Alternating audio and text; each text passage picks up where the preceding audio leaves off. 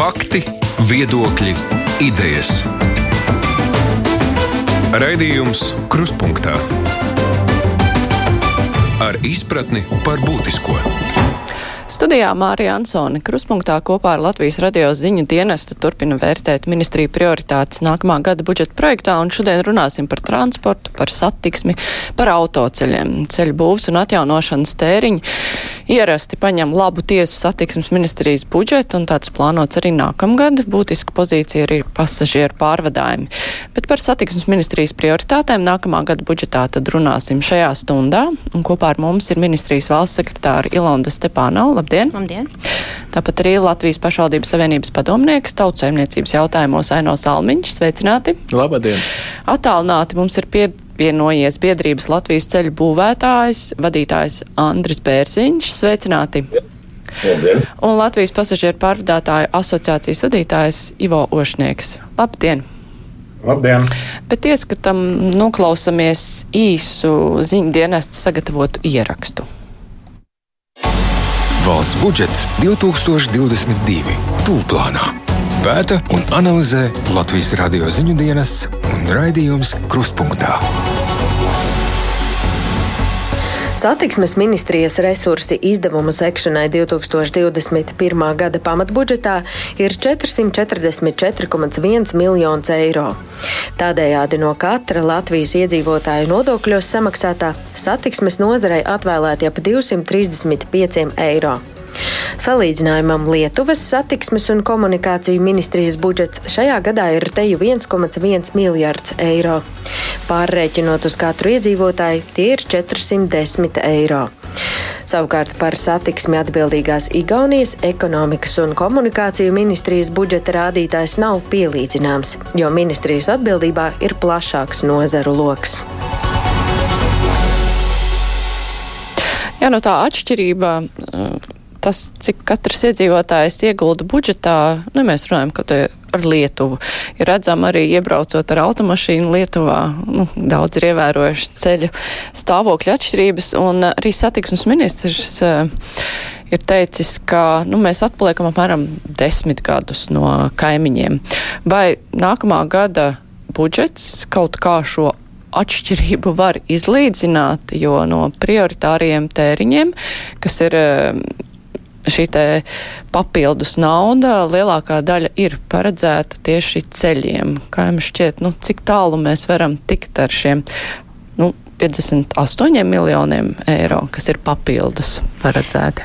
Jā, jums ir pilna taisnība. Nākamajā gadā uh, satiksmes ministrijā kopumā būs papildus uh, prioritāriem tēriņiem 73,7 miljonu. Lielākais kā reizi ir ceļiem. Uh, Tā ir valsts reģionāla autoceļa pārbūve un atjaunošana. Šobrīd vēl notiek darbs pie tā, lai izveidotu šo programmu ar konkrētiem projektiem, bet tie būs nu, aptuveni 200 km ceļu, uz kuriem tiks veikti šie pārbūves un atjaunošanas darbi. Tā kā uh, ir jāsaka, ka pēdējos gados, gan arī šogad, gan iepriekšējo gadu, šis pieaugums ceļu būvē un pārbūvē ir bijis diezgan būtisks. Kā nu, jācer, ka mēs, mēs pamazām tuvosimies šim apjomam arī, lai, lai sasniegtu varbūt tās vismaz Lietuvas apjomu. Uh, pamazām tuvosimies, bet nu, cik pamazām? Cik ilgā laikā šādā tempā mēs varam sasniegt to kaimiņu līmeni? Kā jums šķiet?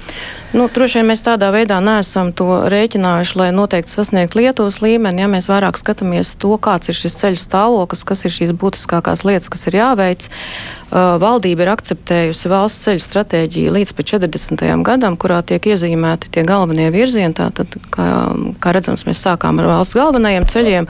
Nākamā programma ir šie reģionālie ceļi, ja tā tad, nu, veidojot šo komplekso skatījumu vienotam ceļu tīklam. Tā kā, nu, droši vien tas nav viens, divu gadu jautājums, ja tas ir ilgāks periods, bet es domāju, ka, kad iezīmēti šie virzieni ir un, un pie tiem mēs arī turamies.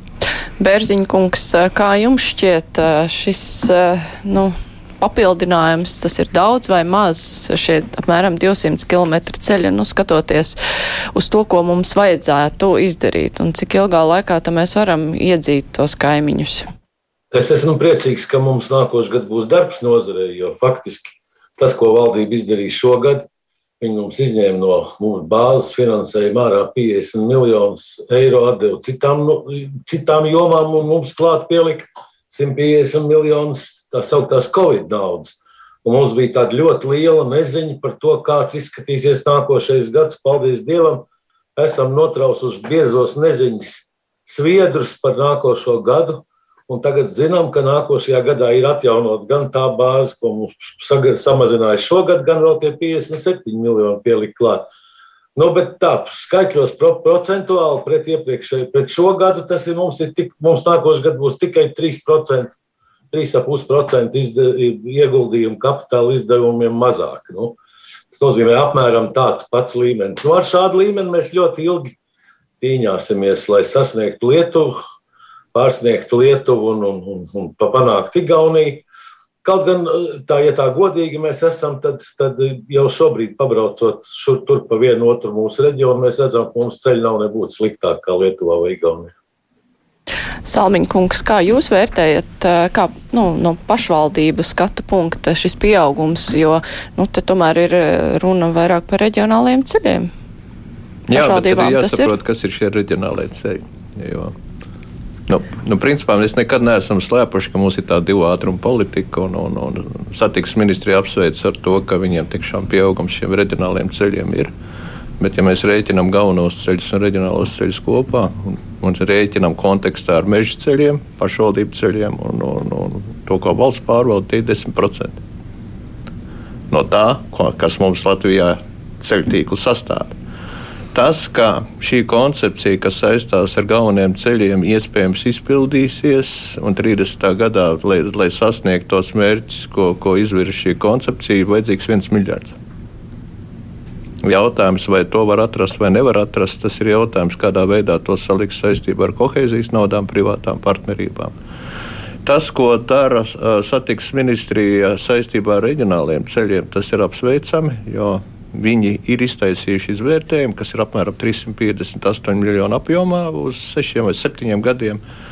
Un par šī koncepcija vēl tā īsti nav apstiprināta, bet izvērtējums ir noticis. Man ir prieks, ka tas sākotnējais posms nākamā gadā tie ir 58,7 ir jau akceptēti, un tur vēl notiks diskusijas ar reģioniem, kā to visu darīt. Taču, ja skatīt no pašvaldību viedokļa, tad tas mugurkauls mums ir vietējie ceļi. Nu, šo jautājumu gan atbildes nav. Vietējo ceļu attīstība turpina stagnēt, un tad mēs varētu to vērtējumu noteikt tā, ka galvenie ceļi uz četri Eh, es domāju, ka reģionālās ceļas ir pildījis visus solījumus. Iespējams, mēs arī sakārtosim 80% no labā līmenī līdz 30 gadam. Jautājums paliek neatbildēts, kas ir un kas būs ar vietējiem autoceļiem. Jo tie ir tie ceļi, kas ir vajadzīgi pašvaldību reformai. Nu, lai saprastu, jebkurš cilvēks, tad tie reģionālie ceļi ir pamatā, kas savieno reģionu centrus un, un pilsētas. Un tie vietējie ceļi tad ir šie pagastu un novada centra savietojamība, kurā programmas nav. Nacionālā attīstībā runa par valsts vietējiem ceļiem ir pieminēta. Šodien satiksmes ministrija prezentē pašlaik šajās, ne, vēl ne, valdības sēdes sāksies divos. Viņi prezentē šīs transporta attīstības pamatnostādnes, un tur arī valsts vietējo ceļu izvērtējums praktiski nav. Uh, tur ir uh, tāda piebildīta, ka valsts vietējo ceļu finansējums notiks budžeta ietvaros. Un viss. Līdz ar to šie, uh, šī lauvas tiesa no tiem 20 tūkstošiem satiksmes ministrijas ceļiem, kas ir 13 km vietējie ceļi, atbildes tādas īstas nav.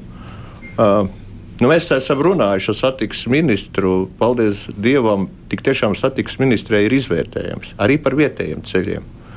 Un, lai to īstenotu, nu, kā ministrs teica, vajadzīga naftas atradnes kaut kādā veidā. Jā, tur ir vairāk miljardi. Līdz ar to tā, tas jautājums paliek. Un viena no tām neatbildētām atbildēm ir no iepriekšējās reformas savietot novadu centrus ar pagastu centriem nu, kaut vai tos, un tie ir apmēram 900 km, nu, kas arī varētu izmaksāt kaut kur 252 miljonus, bet tas ir šā gada cenās. Līdz ar to mēs esam priecīgi, ka mm, reģionālie un galvenie ceļi attīstās. Jautājums par valsts vietējiem ceļiem paliek atklāts. Es nolasīšu vienu klausītāju vēstuli, kas, es pieļauju, atspoguļo ne tikai šo te konkrētā novada iedzīvotāja intereses, bet uh, nu, kā varētu rakstīt, droši vien vēl daudzi citi. Klausītājs raksta tā, gulbenieši jau gadu desmitiem gaida sakārtot ceļu uz balviem, kopš uzņemšanas nodaļa gulbenes slimnīcā ir slēgta, pacienti tiek vest uz balvu slimnīcu šobrīd ceļu seguma dēļ. Pacients brauciena laikā var gūt papildus traumas, jo ceļa stāvoklis ir ļoti slikts, izņemot tur gabaliņu pie gulbenes. Kad varam gaidīt šī ceļa sakārtošanu? Šeit ir runa par nu, slimnīcu reformu, kas ir notikusi. Tagad mēs zinām, ka ir notikusi arī administrīva teritoriālā reforma. Cik lielā mērā tad šie plāni par reģionālo ceļu sakārtošanu atbilst šīm vajadzībām, kuras rodas pēc šīm dažādām reformām? Vai jūs to saskaņojat un kā jūs izvēlaties, kas būs prioritāte, kas nebūs? Jā, tā kā Salmīnkungs jau minēja, tad eh, šobrīd šī reģionālo uh, ceļu šī programma vēl ir diskusiju stadijā, faktiski viņa tiek diskutēta ar plānošanas reģioniem, kā reiz, lai, lai izietu cauri visiem šiem jautājumiem par to, kuri ir šie galvenie ceļi, kas, kas ir tiešām nepieciešami, būtu jau liekama nākamā gada uh, jautājumu lokā, kas būtu risinām. Um, Līdzīgs, līdzīga pieeja ir arī attiecībā uz šiem pašvaldību ceļiem kad ir diskusijas tieši administratīva teritoriālās reformas ietvarā, lai saprastu, tad, nu, cik plašam šim ceļu lokam būtu jāsaglabājas, lai tas tiešām nodrošinātu šīs te reformas nu, šo te būtību, ja tā tad jauno, jauno pašvaldību izveidi. Tā kā nu, šie jautājumi tiek diskutēti tiešām ar tiem faktiskajiem, tātad ar pašvaldībām, ar plānošanas reģioniem, lai tiešām būtu nu, tā pareizie, pareizie ceļi un tā, tā pareizākās vietas mēs šos projektus varētu realizēt.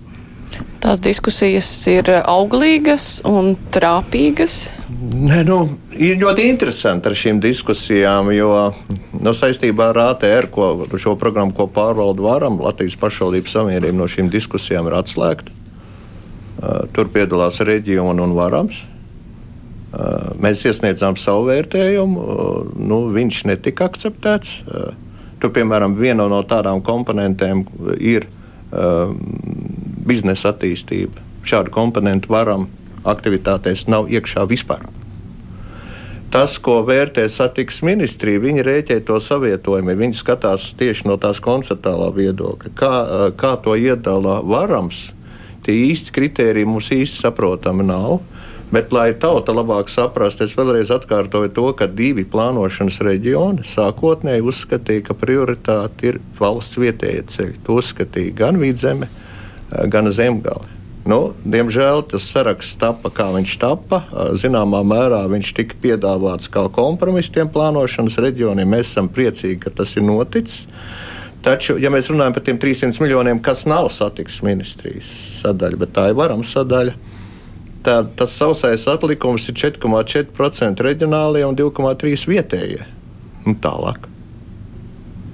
Tas ir jautājums. Tas, ko dara satiksmes ministrija, tas ir vairāk tēmēts ar to savietojamību. Kā jau teicu, tur vairāk kā 350 miljoni, ko, ko, ko tagad pieminēja. Ja? Nu, tur viņi skatās tīri no šīs politikas viedokļa. Ja? Ir vajadzīgs turpinājums, un ko mēs esam runājuši, ka pareizā Bērziņkungs teica, ka puse šogadējās naudas ir saistīta ar pandēmiju. Ļoti īpatnēji mēs veidojam šo budžetu, ka pusi no budžeta ir saistīta ar līdzekļu neparedzētiem gadījumiem, kurus pierakstīja sev gan satiksmes ministrija, gan varams.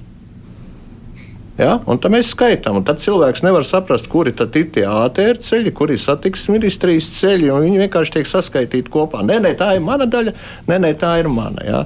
Nu, sati, varam tā ir 90 miljonu sadaļa. Ja? Gan nu, tie ceļi jau Latvijā ir viena. Līdz ar to šis konceptuālais skats tāds īsti nenotiek vēl jau vairāk kā. Nu, Izteikšu personīgo viedokli. Man bija tāda sajūta, ka satiksmes ministrija principā no tā varam sadalījuma arī norobežojās. Nu, apmēram pusgadu bija pauze, ka viņi vienkārši runāja, runāja par visu citu, tikai nerunājām par ATR. Tā ir varam kompetence. Nu, tagad tā atbildība par tiem sliktiem ceļiem reģionos pēc būtības būtu jāuzņemās varam un plānošanas reģioniem, ja jau reiz tā. Bet saprotot šo situāciju, mēs esam piedāvājuši arī Finanšu ministrijai savu redzējumu šī gada budžeta ietvarā, kurš netika akceptēts. Arī mēs, tāpatās kā Latvijas valsts ceļu un satiksmes ministrija, redzējām, ka mums ir daudz gatavu projektu. Gan tranzītielas, vismaz 25 miljoni, gan ielas 50 miljoni. Un arī valsts kontrolas piesauktā tilta programma gan nav. Tur gan nav gatavie projekti, bet nu, apmēram 30 miljonus mēs lūdzām, lai taču beidzot mēs to varētu sākt risināt. Diemžēl Finanšu ministrija to uh, nav akceptējusi. Tas mums ir satiksmes, tas ir ne valdības un LPS protokolā kā nesaskaņotā sadaļa, bet mēs saprotam to, ka tā investīcija programma tad jau būtu jāvirza caur varam. Ja jau reizes satiksmes ministrijas akcents ir galvenie ceļi un reģionālie, Visticamāk, notiks ļoti liela diskusija, ko tad darīt ar vietējiem. Nu, tādā gadījumā mums jārisina jautājums par investīcijām caur varam. Visticamāk. Jā, nu, nākamā nedēļa mēs skatīsim arī varam prioritātes nākamā gada budžetā, tā kā es domāju, ka šī saruna tiks turpināta tieši šajā kontekstā. Bet man ir jautājums arī pasažieru pārvadātājiem, kā jūs ietekmē ceļu būvēšanas un labošanas intensitāti, nu, ārpus tā, ka, protams, labs ceļš eh, nelauž autobusus, bet, nu, ja mēs runājam par plānošanu, par izmaksām, iespējams arī teritoriālo reformu, kur iespējams ir pieprasījums pēc kaut kādiem jauniem maršrutiem katrā, katrā ziņā faktiski jauna ceļa, kā jūs norādījāt, mūs priecē, un jo kvalitatīvāka ceļa, jo mūsu izdevuma sadaļas samazinās. E, protams, ir īslaicīgi šīs remonta izmaksas, remonta laikā šīs nērtības ir jāpiecieš, bet tas faktiski mūsuprāt būs, mēs ar optimismu skatāmies nākotnē, ka tas ir īslaicīgās. E, protams, ilgtermiņā skatoties, remonta izmaksas eh, šiem jauniem autobusiem ir lielas. Eh, līdz ar to mēs esam ieinteresēti, lai eh, valstī būtu sakārtoti ne tikai šie galvenie valsts ceļi, bet arī šie vietējie, par ko Salmiņkungs runāja, jo maršrutu apjoms jau nav tikai par valsts galvenajiem ceļiem. Liela daļa maršrutu ir pa šiem vietējiem ceļiem. Bērziņkungs, un runājot par tālāko plānošanu, vai jums ir kaut kāda nojausma, vai ceļu būvē tiks eh, iesaistīti arī kāda Eiropas nauda? Jo pirms tam bija runa, ka visa Eiropas nauda ceļiem ir beigusies, bet eh, nu, tā, ka pavisam laikam nē, bet tikai nav skaidrs, kā tas turpināsies. Nu, nu, droši vien valsts sekretāri varētu jums pat paskaidrot konkrētāk un precīzāk. Es tikai to, to ko mēs redzam no savas biedrības viedokļa. Mēs redzam, ka iepriekšējā periodā, eh, nu, tātad plānošanas iepriekšējo septiņu gadu, tā, tā Eiropas nauda ir beigusies, izņemot 40 miljonus, kurus satiksmes ministrijai, gods un slauviņai ir izdevies pārdales formā. Tā ir nauda, ko iepriekš citas ministrijas no, gan no kohēzijas, gan no Eiropa nebija izlietojuši, tagad pārņemt uz satiksmes ministriju, šā gada budžetā mums ir 24 miljoni parādījušies gandrīz. Nu, un beidzot, mūsu budžets, teiksim, tā valsts budžeta daļa un Eiropas daļa ir iegūst tāds civilizēts valsts apmērs pēc proporcijām. 85% valsts budžets, 15% Eiropas budžets. Bet, kas attiecas uz nākošo periodu, tad tur mēs pagaidām neko nezinām. Tā ir tāda liela tumsa. Es saprotu, ka neviens laikam īsti pa precīzi pateikt valstī šobrīd to nevar. Bet ne tas ir tas svarīgākais. Manuprāt, vissvarīgākais jau ir tas, ka valdība sastādot šo budžetu aizgāja uz tādu ļoti nopietnu lietu. Viņi sāk atjaunot specbudžetus, speciālos nodalītos budžetus. Šobrīd no trim speciāliem budžetiem, kurus valdes Dombrovskis savā laikā likvidēja, tas ir vides fondu, kultūra kapitāla fondu un autoceļu fondu. Divi fondi jau ir atjaunoti. Autoceļu fondam nes kāpēc šīs atjaunošana nu, nekādi nav, nav, nav iezīmēta. Kaut gan tur ir, tur principā nekādas pat likuma grozījumus nevajag darīt. Vienkārši tur ir nepieciešama politiska griba paņemt šo fondu, atjaunot. Tā ir viena lieta, kas man liekas būtu jāizdara, un tad mums parādītos skaidri resursi, kurus mēs varētu saturīgi plānot. Jo šobrīd, nezinot, kāda būs nauda, investēt, eh, investēt lielos plānos un projektos ir, ir aplamība, jo valsts, jo valsts kontrole atnāk pie teiksim, Latvijas valsts ceļiem kā pasūtītājs un saka, kāpēc jūs taisat projekts tik daudz? Kāpēc tā ir lieka naudas izšķērdēšana? Projekts divus gadus pastāv, nostāv, trešajā gadā viņš vairs nav derīgs. Ja? Tad, citiem vārdiem, tāda stabilitāte resursu plānošanā un tāda, tāda ilgtermiņa, vismaz vidēja termiņa vīzija, kas ļaut arī mums uzņēmējiem, uzņēmumiem strādāt un, un strādāt normāli un, un taisīt savus nākotnes perspektīvas un plānot un pieņemt cilvēkus un iegādāties tehniku. Jo, ja mēs paskatāmies pēc tās proporcijas, cik mēs saņemam katru gadu budžetā no tās, no tās akcijas ieņēmumu daļas, tad jāsaka godīgi, ka tā proporcija krīt. Ja 20. gadā mums tā bija, tā bija 41% no akcijas ieņēmumiem, tad šobrīd tie tikai nākošais gads tie tikai plānot 35%. Un uz aiznākošo gadu vispār tur ir 34, un aiznākošā gadā jau nu, valdības budžeta trīs gadu projektā tur ir, tur ir mums nevis palielinājums, bet samazinājums, kas arī ir tāds jocīgs lieta. Mums jāiet pie bankām un jāstāsta, ka mēs gribam nopirkt tehniku. Viņi saka, paklausieties, bet jums taču tur darba nebūs. Darbs tevis palielinās, bet samazinās. Tā ir tā lielā pretruna, ar kuru ar kuru acīm redzot, ne valsts sekretārs, neviens cits netiks galā, kur ir nepieciešama politiskā griba. Un ne tikai ministra politiskā griba, jo es zinu, ka ministrs ir par to, un ministrs to vairāk kārt ir manifestējis, bet tur ir nepieciešama visas koalīcijas kopēja politiska griba pieņemt šo lēmumu, atjaunot autoceļu fondu. Jeb kā alternatīva autoceļu fondam atjaunot kārtīgi kaut vai vienu programmu, pieņemt, kur valdība būtu akceptējusi nevis pieņēmusi zināšanai, kā valsts sekretārs mums stāstīja, ir akceptējis. Valdība neko nav akceptējusi. Valdība ir pieņēmusi zināšanai. Ko nozīmē pieņemt zināšanai? Mēs to nezinām. Zin, viens pieņem tādai zināšanai, otrs citādai zināšanai, bet finanšu ministram vai ekonomikas ministram tas neuzliek ne absolūti nekādas saistības, plānojot nākošā gada budžetu. Un tur tikai viss ir atkarīgs no tā, cik konkrētais ministrs ir spēcīgs un spējīgs nu, tā sacīt, norientēties visos tajos ciparos un, un kaut kādā veidā aizstāvēt nozars. Par savu ministru mēs esam priecīgi. Mums tiešām tādā vai citādākā veidā, caur Covid naudu vai kādu citu naudu, bet nu, darbs mums būs arī nākošais. Bet kas būs aiznākošais gads un aiznākošais gads, mēs šodien mums ir pilnīgi, pilnīgi, pilnīgi neziņa, melna bilde. Salmiņkungs. Jā, nu, maza replika. Bērziņa kungam ir svēta patiesība un taisnība. Jāsaka, ka 20. gada nogalē, decembrī mēnesī, datumu neatceros, tas atkāpšanās ceļš jau tika noslēgts. Jo saima pieņēma lēmumu izslēgt no autoceļa likuma pārējais noteikumu.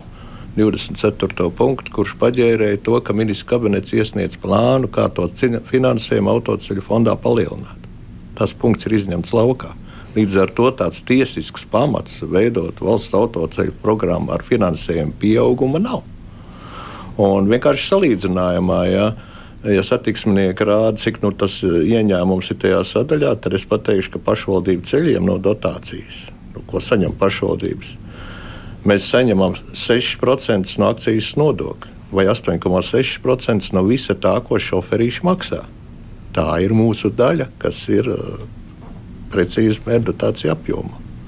Līdz ar to Nu, satiksmes ministrijai ir jātaisa ārkārtīgi daudz vingrinājumu tajā koalīcijas padomus cirkā, lai varētu atrast kaut kādu kompromisu, jo uz kā balstīties tādai ilgspējīgai programmai, gluži vienkārši nav pamata, nav argumenti. Kā nu sanāk, tā ir. Pretī ir bāze, iezīmēta bāze vidējā termiņā. Un, e, Nevar nepārlikt, jo mums arī pašiem ir jautājums, kāpēc e, mums nākamā gadā uh, ir paredzēti 53,8 miljoni, kas neatbilst autoceļu likuma 12. pānta 4. daļai, kur pēc aprēķina pienākās 25% no autoceļu fonda, noskaitot viņeti. Mums ir 5 miljoni vairāk. Tāda jautājums, vai mēs esam tajā tiesiskā valstī tikuši vai nē? Ja mēs pamatojamies uz reira rāmu un cita likuma nav, izņemot valsts pamatbudžeta likumu. Citu likumu mums nepastāv, acīm redzot. Par to mēs arī runāsim. Mēs pieļaujam, ka tā ir tehniska kļūda. Bet nu, 5 miljoni mums karājās gaisā, jo tas atbilst autoceļu likumam. Piedodiet, tā, tā nu ir realitāte. Es ceru, ka mēs vēl kompromisu panāksim, jo mums vēl ir domas sēde un vēl sarunas ar premjeru. Nu, ceram, ka vismaz tajā sadaļā mēs to jautājumu atrisinās. Bet Bērziņa kungam ir pilnīgi taisnība.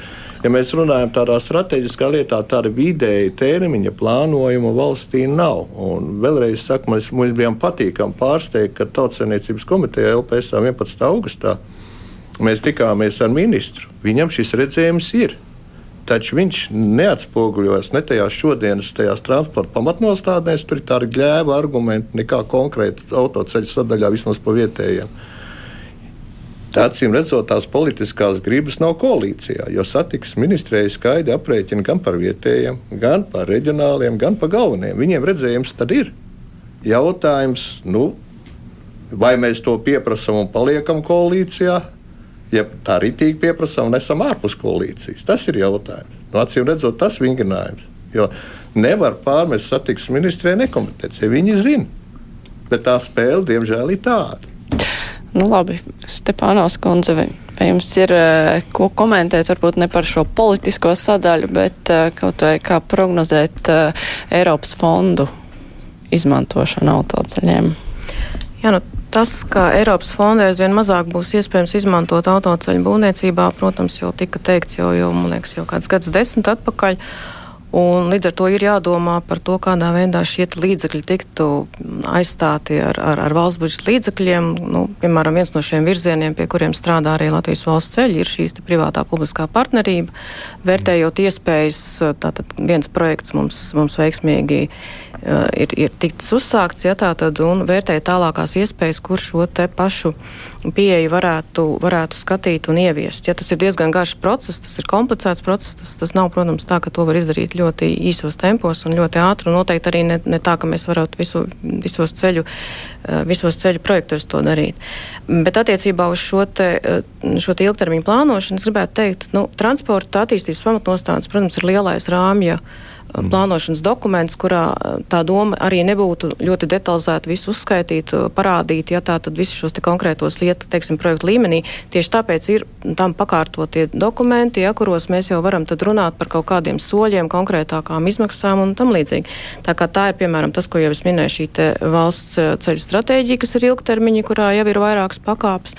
Nu, un arī šāds dokuments parasti ir, ir tas, uz kā pamatojoties notiek budžeta sarunas, ja tā tad budžeta pieprasījumi Nu, acīm redzot, tad arī pie šī dokumenta turoties eh, arī nākamajā un, un vispār vidējā termiņā un turpmākos gados arī būs tālākās diskusijas par, par budžeta līdzekļu piešķiršanu.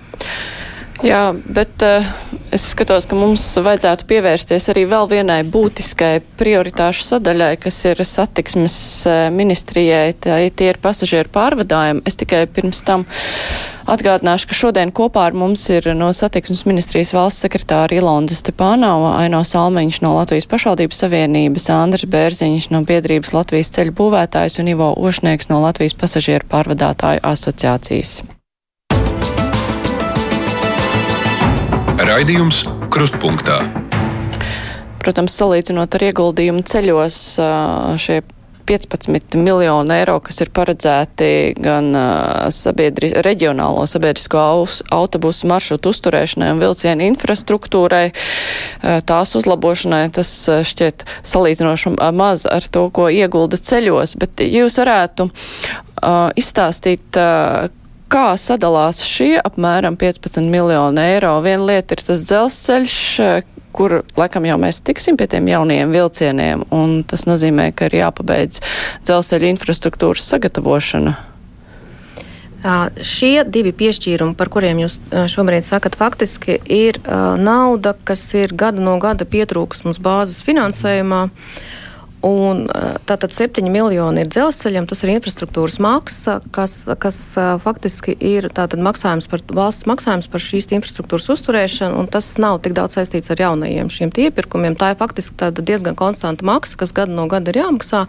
Mums, diemžēl, bāzē arī pie šī papildus 7 miljonu piešķīruma, diemžēl, vēl aizvien turpināsies deficīts, un tāpat tās valdībai tas būs nākamajā gadā jārisina. Otra nauda ir tātad 8,7 miljoni, kas ir dotē, dotācija zaudējuma sekšanai sabiedriskā transporta pakalpojumu sniedzējiem. Un jāsaka, ka arī šeit bāzes finansējums ir gadu no gada bijis nepietiekams, un katru gadu faktiski ir bijis valdībai atsevišķi jāturpina risināt šo jautājumu, lai te, šo te dotāciju, šos zaudējumus sektu. Tā kā tas, kas no mūsu puses, protams, ir, ir labi, ka šie līdzekļi jau mums ir paredzēti budžetā, mēs varēsim daudz operatīvāk veikt arī teiksim, šos te norēķinus ar, gan ar dzelzceļu, gan ar pārvadātājiem, bet, jā, nu, diemžēl šis nav pilns finansējums, kas, kas ir nepieciešams. Ošniekungs, ja mēs runājam par dotāciju reģionālajiem autobusu maršrutiem, vai pasažieri vai iedzīvotāji par to var sagaidīt kaut ko vairāk, vai tas ir vienkārši zaudējuma kompensācija, bet nu, tāpēc būtības nekas nemainīsies? Dotajā brīdī pasažieri sagaidīt neko vairāk nevar, jo, kā jau Stepānās kundze norādīja, tad eh, šī dotācijas papildus nauda nenosaka to nepieciešamību, kāda faktiski ir izveidojusies. Un būtībā to es varu ilustrēt vienkārši, ja šogad pirmajā pusgadā mēs jau esam izlietojuši apmēram 27 eh, miljonus, kas rezultēsies arī tikpat daudz miljonu otrajā pusgadā. Mums nav nekādas pārliecības par to, ka pēkšņi situācija 2022. gadā uzlabosies un mums palielināsies ļoti daudz ieņēmumu no biļetēm, kas faktiski varētu atslogot šo budžetu, uh, budžetu sadaļu. Līdz ar to, protams, 8,7 miljoni ir vairāk nekā līdzinājās bāzes, kas bija piešķirtas nepietiekošā apjomā, bet vienalga tā krietni atpaliek no tā, kas ir nepieciešams. Eh, un būtībā to ainu faktiski sliktāk padara arī tas, ka eh, situācijā, kādā mēs esam šobrīd, faktiski mēs pēdējā ceturksnī, šī gada pēdējā ceturksnī esam pa nulēm. Mums zaudējuma sekšanai paredzēta nauda šī pēdējā ceturksnī dotajā brīdī nav. Kaut gan eh, nepieciešams, lai mēs gadu nobeigtu, ir vajadzīgi vismaz 13,6 miljoni eiro autobusu pārdētājiem. Līdz ar to Protams, ir pozitīvi tas, ka nākamā gada budžetā tiek piešķirts papildus kaut kas bāzes budžetam, bet eh, būtiski ir jau arī norēķināties par šo gadu. Jo, ja netiek pilnībā norēķini veikti par šo gadu, tad faktiski tā nauda pārnesīsies uz nākamo gadu, lai norēķinātos ar pārdātājiem. Un līdz ar to tā bedra faktiski turpināsies.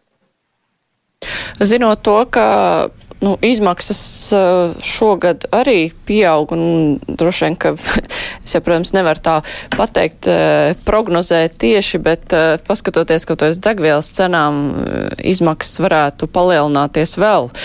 Jūs sakat, ka, ja zaudējumi netiek sekti, tie tiks pārnest uz nākamo gadu, vai gal galā tad draud kaut kādu maršrutu slēgšana, ja ir vien vienīgi zaudējumi? Nu, drīzāk mēs to šobrīd saredzam, ja netiek atrasts papildus finansējums jau šajā gadā, ir būtiski apdraudēt pilnīgu pakalpojumu sniegšanu atsevišķos maršrutos, iespējams pat atsevišķos reģionos. Jo, kā jau teicu, faktiski mums ar oktobra mēnesi avans maksājums, kam jābūt 95% apmērā no zaudējuma sekšanas, šobrīd līdz 10. oktobrim, kas ir jāveic, viņš ir pilnīgi nulle, absolūti nulle.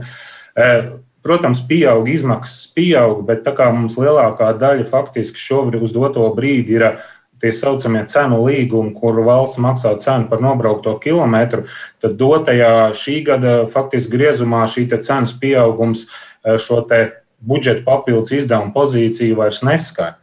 Tas vienīgais varētu skart nākamā gadā jo pieaugot tieši degvielas pozīcijām būtiski, tad ir atkal būs jās, jārunā par to, vai par tām cenām, kādas būs nākamā gadā, varēs šo pakalpojumu sniegt. Vēl kas ir zīmīgi jāpiezīmē, runājot par nākamo gadu, tad eh, lielākā daļā Latvijas teritorijas pārvadātājiem beidzās līgumi šī gada 31. decembrī. Un mēs trīs mēnešus, līdz nepilnīgi trīs mēnešus līdz gada beigām vēl nezinām, kas šos pārdājumus uzsāks un kas turpinās ar 1. janvāri. Tas, tas arī ir būtisks faktisks faktors šajā visā stāstā par nākamā gada budžetu. Bet ko nozīmē apdraudēti maršruti atsevišķi vai pat atsevišķos reģionos šie pārvadājumi? Tas nozīmē, ka ir reģioni, kas varētu palikt bez autobusu satiksmes, tā tas ir jāsaprot. Ja pārvadātājiem šobrīd nav finanšu līdzekļu, ko nopirkt degvielu vai samaksāt darba algas vai nodokļus, kā jūsuprāt šim pārvadātājam e, faktiski ir jāuzņemās saistības valsts vietā un, un jāgarantē tas, ka kad viņš kādreiz to naudu saņems, e, ņemot vērā to, ka faktiski tie līgumi beidzās 31. decembrī. Kur ir garantija, ka e, pārvadātājiem šī nauda, kas pietrūks šogad, tiks samaksāta? Līdz ar to mēs, mums nākošais gads ir valdes sēdi, kurā mēs šo jautājumu skatīsim, ko darīt šī situācijā, ka valsts nevar norēķināties šajā gadā par šo pakalpojumu sniegšanu. Stepānos kundze, kā jūs varētu šo komentēt? Nu, es varētu komentēt, uh, Ošņēkungs arī ļoti labi zina, es ļoti ilgstoši strādāju arī finanšu ministrijā. Man gan jāsaka, ka es tiešām neatceros gadījumu, kad valsts nebūtu norēķinājusies ar pārvadātājiem. Protams, varētu pārvadātāji vienmēr ir gribējuši varbūt tās, lai tas notiek ātrāk valsts budžetā. Tas ir jautājums ir izsanāts. Varbūt tās tuvāk gada beigām vai, vai, vai gada sākumā. Bet tādas situācijas, ka nav bijis šis norēķins, nu, es vismaz neatceros, ka tas tā būtu. Līdz ar to es domāju, ka arī šeit nav pamata teikt, ka šis norēķins nu, nenotiks. Bet eh, runājot par to, ka naudas ir vienkārši pārāk maz. Jūs dzirdējāt, ka pārvadātājiem rodas zaudējumi, tagad degviela paliek dārgāka, iespējams izmaksas būs lielākas, vai tas viss tiek kaut kā rēķināts, lai tiešām nebūtu jāslēdz kaut kādi maršruti?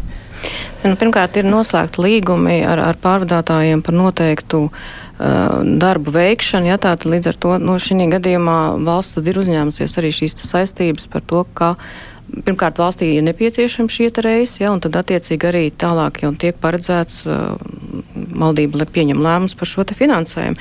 Tā kā es domāju, ka nu, šis, šis noteikti varbūt tās uh, nu, ir jautājums, kas, kas ir jārisina. Ja, to, to mēs arī nekad neesam no satiksmes ministrijas puses nolieguši, bet es domāju, ka nu, līdz šim tomēr praksa rāda, ka šie jautājumi ir atrisināti. Un kā ar tiem līgumiem, kuri beidzas 31. decembrī?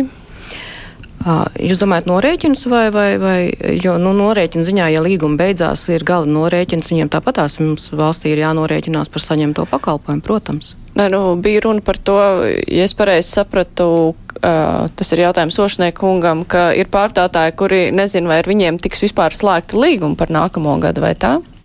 Tieši tā, jo lielākā daļā pārdājumu, izņemot šīs piecas lotes, kur ir ilgtermiņa līgums desmit gadiem, kas stājās spēkā 1. augustā. Pārējā Latvijas maršrutu tīkla daļā pārvadātājiem beidzās līguma 31. decembrī, un uz doto brīdi neviens no pārvadātājiem nezina, vai viņš varēs turpināt vēl nākamā gadā sniegt šo pakalpojumu, jo, kā jūs zināt, konkursu procedūra vēl nav beigusies ar garajiem iepirkumiem. Eh, un, un, un tāpēc, protams, nav jau stāsts par to, ka nenorēķināsies, jā, bet līdzinējā praksa bija tāda, pārvadātājiem Viņi turpināja pildīt šīs līguma saistības. Tas bija kā garants, jā, ka ar maniem nākamā gadā norēķināsies. Bet nevar būt situācija tāda, kāda tā bija ar atsevišķiem pārdotājiem šogad, kad viņiem ir jāizmaksā uh, darbiniekiem kompensācijas par uh, darbu veikšanu pēdējā darba dienā, bet faktiski valsts nav norēķinājusies pēdējā darba dienā ar šiem pārdotājiem. Jā, nu tas, ko es varētu pakomentēt, protams, ka šis jaunais sabiedriskā transporta pakalpojuma iepirkums uh, iet ilgi un, un droši vien ilgāk nekā mēs bijām arī cerējuši un, un sākotnēji plānojuši. Šobrīd ir spēkā tiešām piecās daļās līgums ir spēkā no 1. augusta, četrās daļās līgums ir no nākamā gada 1. jūlija, un, diemžēl, septiņās daļās vēl aizvien norit šis iepirkums, un, un mēs šobrīd prognozējam, ka tas ir 23. gada 1. janvārs. Līdz ar to, protams, mēs esam tādā dubultā situācijā. Mums jau ir jaunie līgumi, ir esošie līgumi, un tas, tas savā, nu, savā ziņā ir, ir, ir autotransporta direkcijai, protams, šeit ir diezgan nopietni jāsabalansē, lai tomēr nodrošinātu šos pārvadājumus. Salmiņkungs, pašvaldības savienība tur roku uz pulsa par to, vai Turam būs. Gan un esam nobijušies. Esat nobijušies. Jo nu, neskaidrība ir pietiekami daudz. Labi, nu, tā, tā vīrusu nelaime tā ir viena lieta, un, un, un, un tur, tur tik tiešām tie jautājumi jārisina. Uh, taču tā nobijušanās ir tajā sadaļā, ka mums tā neskaidrība ir pietiekami liela. Eh, ja mēs paņemam atkal tās pašas pamatnostādes, ko šodien apstiprina, tad tur ir minēts Jāņa Sēdes pētījums, kurā raksta, ka valstī viss labi. 98% gadījumos iedzīvotājs sasniedz novada centru 40 minūtēs pie labiem laika apstākļiem. Jautājums, kāda tipa vieglais automobilis tam lauka cilvēkam ir? Nu, viņam jābūt vismaz ir džipam pēc tiem ceļu stāvokļiem. Tas ir viens. Otrs, kas saistās ar šo iepirkumu, tiek deklarēts, ka mēs iepelnīsim un ietaupīsim tik daudz naudas. Jo iepirkuma konkurss rādīs, ka nu, tas rezultāts ir gana labs. Mēs tagad redzam, ka pēc tam deviņām lotēm jau tas pārtēriņš ir 3,87 miljoni gadā, un tajos desmit gados tad, tad tie jau ir 38 miljoni. Un tādēļ tajā mūsu sadaļā ar valdību Mēs esam ielikuši vidēji termiņu ietvarā garantijas Katāru, un tas atbilst arī ministra kabineta protokola lēmumam. Gadījumā, ja tas konkurss objektīvi rādīs, ka mēs tajā rāmī neietveраmies, valstī ir jāpiemaksā papildus. Kas notiek tad, ja tas nenotiek? Nu, ir divi varianti, ne pat trīs - maršrutu slēgšana. Un, un tas bija tajās pamatnostādnēs arī jautājums, cik tā mums ir pagastu, kurā sabiedriskais transports iet reizi nedēļā. Atbildi tāda, ka tas Nacionālajā attīstības plānā kā uzdevums nav paredzēts, mēs nezinām.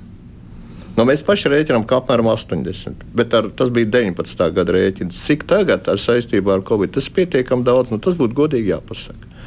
Otra lieta ir tas, ka nu, droši vien ka tas eksperiments ar pierīgu un komercmaršrutiem arī būs eh, veidos korekcijas. Un tajā sadaļā, ka droši vien mums būs problēmas ar skolnieku pārvadājumiem. Pašlaik pierīga rāda, ka biļešu sadārdzinājums ir apmēram 30%. Un jautājums ir par šo regulātāti. Tātad tas ir otrais bloks kur noteikti vajadzēs risināt jautājumus. Tam es piekrītu, ka būs jāpārskata tā, tas bubulis, ka vienotā transporta plānošana ir gana laba. Izrādās, nē, un, un to pierāda šī situācija, ka mūsu galvenais mērķis ir ietaupīt, nevis nodrošināt pieejamību. Bet kas ir saistībā ar Rīgu un Pierīgu, un tur es ministram piekrītu, un ministrijai tur vajadzēs ļoti daudzas smagas diskusijas, kā Rīgas un Pierīgas to metropoles sadaļu atdalīt no tā transporta nost, jo tur ir jāmeklē cits risinājums. Viņš neiedarās tajā vienotā ietvarā, un tur jādomā, kā salikt tās Rīgas intereses ar pierīgas interesēm kopā. Tas ir vesels bloks, ko mēs esam nopiksējuši. Nu, trešais variants droši vien ir biļešu cenu celšanās. Bet tam visam pāri Covid, un no, no otras puses es abrīnoju satiksmes ministriju, abrīnoju pilsētas Rīgu, ka tas sabiedriskais transports kursē uh, Es zinu, kā tas notiek OVG grupās, kāds spiediens ir uz, uz, uz, uz tiem pārvadātājiem, jo sabiedriskais transports tik tiešām ir bīstams tajā sadaļā. Taču tajā pašā laikā cilvēkam ir jānokļūst darba vietā. Un tas, ka šie cilvēki riskē ar saslimšanu, un transports tiek nodrošināts cepurnos, no tā viedokļa, jā, bet problēmas, kas saistās ar iepirkumu, par to pašu bāzi, ko mēs runājām, nu, Pati autotransporta direkcija rāda, ka pietrūks bāzē 22 miljoni. Mēs atkal mīļā mierā labāk ierakstam 8,7 nākamā gadā. Labi, pašvaldību savienība paļaujas, un mēs arī protokolā paļaujamies uz to, ka valdība ir apņēmusies, kā es citēju, sabiedriskā transporta pakalpojuma izpildes gaitā tiks meklēti speciāli risinājumi sabiedriskā pakalpojuma saistību sekšanā. Turam Kariņu pie goda vārda. Tāpat arī satiksmes ministrija tur pie goda vārda skaidri apzinoties, ka vajadzēs papildus. Līdz ar to tur ir virkne neatrisinātu problēmu, kurā droši vien mums vajadzēs, nu, un to mēs arī darīsim, ar satiksmes ministriju tās lietas pārunāsim, nevienu nevainojot, bet tā ir problēma, kurā nu, ir nepieciešami neordināri risinājumi. Bieži vien tā pašvaldību loma varētu palielināties. Mums būs visticamāk jāpiesaista šie, šie, šie baltie plankumi sabiedriskā transporta nodrošināšanā skolēnu sadaļā. Tā ir problēma kas mūs satrauc īpaši. Nu jā, bet noslēdzot šo sabiedriskā transporta sadaļu, Ošniekungs vai skatoties uz to, kādus jaunus uzdevumus ir devusi teritoriālā reforma, kur ir jaunie centri, jaunie novada centri, vai šai aspektā visi sabiedriskā transporta maršruti tad ir noklāti un salāgoti, vai tas jau ir noticis, vai par to vēl būs jādomā? Lielākajā daļā teritorijas šie te maršruti pārklāj šo te teritoriālo reformu, jo būtībā šis maršrutu tīkls jau tika veidots iepriekš, nevis eh, pirms šīs reformas, bet iepriekš, ka jau bija šie rajoni. Jo, kā mēs redzam, tad teritoriālā reforma ir faktiski pietuvināta šim rajonu principam, un līdz ar to tie maršruti jau, jau vēsturiski lielākā daļa bija. Protams, atsevišķas nianses paz, pazūdot atsevišķiem šiem novadiem, mazajiem, kas bija, varbūt būs jāpārplāno, bet nu, mēs no savas skatu punkta neredzam šeit tik lielu problēmu, kā faktiski kā, kā izdarīt to. Mm -hmm. Vēl mums ir mazliet laika, lai pievērstos vēl vienai satiksmes ministrijas prioritātei, tā ir velo infrastruktūra. Uh, tur ir miljonus trim gadiem paredzēts. Kas īsti ir plānots, ko izdarīt pa šo trīs gadu laikā ar šo miljonu? Jā, tātad nākamā gada budžetā mums tā summa nav liela, bet tas ir domāts 150 tūkstoši. Tur ir domāts sākt gatavot būvprojektus, lai šo te veloceļu izbūvēju aptuveni 25 km garumā, un tad faktiski jau 23. un 24. gads tajā jau būtu faktiskā būvniecība kā tāda. Um, ja runa par to, kādās vietās šie te uh, maršrutus mēs redzētu, šos te veloceliņu izbūvi, ja, tad tas būtu mm, pietiekami intensīvas apdzīvotās vietas, kas tiktu savienots ar šiem te veloceliņiem, tātad nu, uzdru, nodrošinātu gan šo te mobilitāti starp nu, apdzīvotām vietām, ja, un, nu, nu, protams, arī šo te iespēju pārvietoties droši ar, ar velosipēdu. Bet šie ir ceļi, kas ir atsevišķi no autoceļiem, tā ļoti prom, vai arī kaut kā līdzās autoceļiem tiek veidot? Nu, es varbūt šobrīd, kamēr vēl šie būvprojekti nav izstrādāti, neuzņemtos jau komentēt, kuras ir šīs konkrētās vietas, ja, bet tas faktiski jau būtu Latvijas valsts ceļu kompetencē skatīties, kuras ir tās vietas, kur ir iespējams izbūvēt, ja, un tas, lai tiešām tas arī dotu šo pienesumu, ka nu, šiem te vēlo braucējiem, lai viņiem būtu vieta, kur braukt. Bērziņkungs, varbūt jūs varat komentēt, kā efektīvāk veidot šo te veloceļu infrastruktūru, iespējams sasaistē ar kaut kādu kādu lielo ceļu būvēšanu?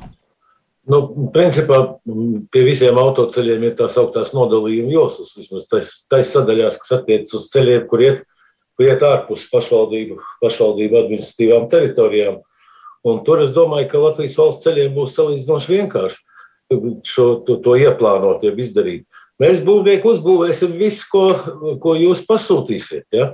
Pat, pat, pat, patērētāji, pasūtītāji Protams, ka tas būtu prātīgāk, ja to darītu reizē ar ceļu remontiem, jo tad, tad faktiski tā mobilizācija nav atkārtot jāveic, jo tur ir pietiekoši daudz tehnikas, pietiekoši daudz eh, cilvēku, inventāru, stāvlaukumu, tehnikas glabātuvus, tur visādas citas eh, tīri tehniskas lietas. Protams, tas būtu ērtāk to darīt, bet ja tas nebūs tā darīts, nu tad labi, maksāsim par to divreiz, bet, bet arī to darīsim. Tā kā Es gribētu teikt, ka mēs esam par šādiem celiņiem.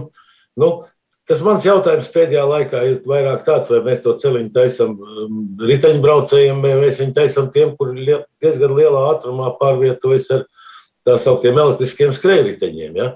Nu, tas ir tāds jautājums, kas, ko, ko iespējams satiksmes ministrijai vajadzētu konceptuāli risināt. Uh, to šos celiņus būvējot vai no maziem guļošiem policistiem vai kā citādāk. Eh, lai, lai tur samazinātu to ātrumu un lai, lai, lai tas cilvēks vai tas riteņbraucējs justos droši uz tā celiņa. Bet konceptuāli tas viss ir iespējams, un mēs, mēs kā nozare esam gatavi iesaistīties par, eh, par 100% un visu to izdarīt. Bet no lētāk un vieglāk un to būtu lētāk darīt kopā ar kaut kādiem lielajiem ceļiem. Protams, taisot, piemēram, kapitālos remonts lielajiem ceļiem, uh, nu, lētāk un vienkāršāk būtu šādas celiņas veidot vienlaikus ar, ar šiem kapitāla remontiem. Ja? Protams, tur tā nespēja pavisam cita, bet jārēķinās, ka visas tās komunikācijas, kas ir apkārt no sāniem, nāk un cauri ceļiem nāk, tās visas arī būs jāpārbūvē un jāpiebūvē klāt. Tā kā šeit ir, šeit ir, šeit ir pa priekšu jāiezīmē tās vietas, kur mēs to taicamies darīt tad jādod projektētājiem, tad jānodefinē projektētājiem ļoti konkrēts uzdevums, ko mēs tur gribam izdarīt, cik platu, cik, cik stipru, kādas nespējas un tā tālāk. Nu, tad, tad mēs būvnieki tur varētu nākt un teikt savu vārdu. Bet mēs esam gatavi iesaistīties visos šajos procesos, arī kā biedrība esam gatavi nākt un paspriest par šiem jautājumiem. Projektēšanas nosacījumi vēl nav skaidri. Pie šī jautājuma strādā Latvijas valsts ceļi. Es domāju, ka arī nepieciešamības gadījumā viņi konsultēsies gan ar, ar būvniekiem, gan ar visām biedrībām. Tā, tā noteikti nav problēma. Mm -hmm. Pašvaldības ir ieinteresētas šādu Jā, ceļu izbūvē. Nu, šogad trāpījies trijās darba grupās. Interese ir ļoti liela. Nu, tā uztvere ir dažāda. Protams, kā to visu salāgot. Bet, nu, nu, mums jāiet laikam līdzi. Protams, ka mēs nevaram ieciklēties tajās lietās. Es domāju, ka Tās sarunas, kurās esmu bijis klāt, ko organizēja Latvijas ceļu, bija tādas saprotamas no abām pusēm. Es domāju, atradīs risinājumu. Atkal jautājums ir naudā, izpratnē, bet tā, tā, tā lieta virzās. Jā, mums ir eh, dažas minūtes tikai palikušas. Gribēju uzzināt uh, par Rail Baltica projektu. Kurā brīdī Latvija arī ar savu budžetu sāk uh, piedalīties šī projekta finansēšanā, jo nu, kaut kāda darba jau notiek un tā kā dalību valsts, kuras uh, realizē šo projektu, maksās pašas 15%, vismaz tā ir paredzēts, un Eiropas Savienība ir apsolījusi 85%, lai gan arī, protams, tā nauda ir tā nosacīta, apsolīta.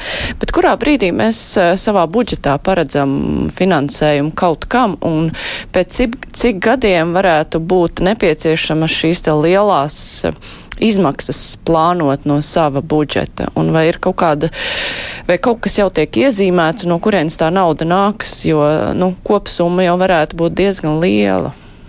Tātad no, no valsts budžeta taisnība jau šobrīd ir jāmaksā mums šis līdzfinansējums. Tāpat tās ir atsevišķas aktivitātes, kuras no Eiropas naudas nav iespējams finansēt, piemēram, zemju atsevināšanu.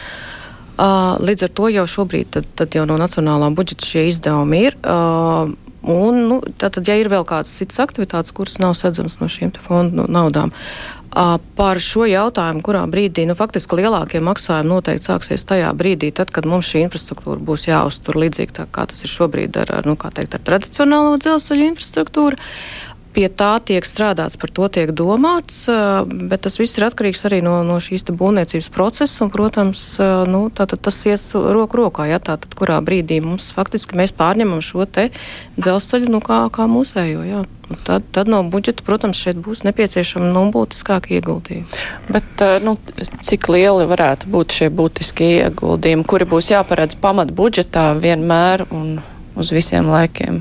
Nu, es jums droši vien summu nevarēšu šodien nosaukt, jo tā tad cik mums šīs ne, nu, infrastruktūras ļoti aptuvenās izmaksās, lai ir eh, klausītājiem nu, kaut neliela nojausma. Nu, es varu pateikt, ka mēs šobrīdējo tātad mūsu parasto dzelzceļu Tā tad nu, uzturēšana, kā jau es teicu, ir šie 14 miljoni, nu, kas mums arī tā tad ir nepietiekami, kur mums nepieciešama vēl papildus finansējums. Protams, kad šī būs jauna, moderna sistēma, no nu, acīm redzot, tad būs jāstāsta, cik, tas, cik šī uzturēšana maksās. Bet, bet investīcija ieguld, no ieguldījuma vienmēr tas prasa uzturēšanu, un tas, protams, ir finansējums no valsts budžeta. Un tas būs jāparāda stabili vienmēr. Bet par būvniecības procesā, jo nu, būvniecība jau reāli sākas jau tagad. Eh, kurā brīdī mums varētu parādīties tās lielākās izmaksas, jo projekta izmaksas kopumā ir nu, diezgan stipri pieaugušas. Tas nozīmē, ka tā mūsu proporcija arī pieaug. Nu, protams, ja palielinās, nu, es domāju, jūs jau pareizi teicāt, tātad mums jau šis finansējums, mēs viņu iegūstam arī no Eiropas uh, komisijas, tātad pakāpeniski ir šie te uzsaukumi, mēs viņos piesakāmies, ja, un tātad mums šis finansējums nāk klāt. Līdz ar to, nu, faktiski finansējums mums nāk šīm te kārtām. Tātad šobrīd pamatā ir, ir, ir viena lielā būvniecība, tātad tā ir centrālā stacijas mezgla pārbūve. Faktiski visa pārējā ir būvprojekti un izpētes un tam līdzīgas lietas. Tā kā Uh, nu, tātad, jo vairāk mēs iesim uz priekšu būvniecībā, jo, protams, arī lielāka būs šī mūsu nacionālā nu, 15% daļa. Mm -hmm. Jā, bet nu, tas arī ir stāsts droši vien, par ko mums plašāk kādā citā reizē būs jārunā. Man ir jāsaka paldies. Šodien kopā ar mums bija satiksmes ministrijas valsts sekretāra Ilona Stepānova, Latvijas pašvaldības savienības padomnieks tautsēmniecības jautājumos Aino Salmiņš, biedrības Latvijas ceļu būvētājs vadītājs Andris Bērziņš un Latvijas pasažieru pārvadātāju asociācijas vadītājs Ivo Ošnieks.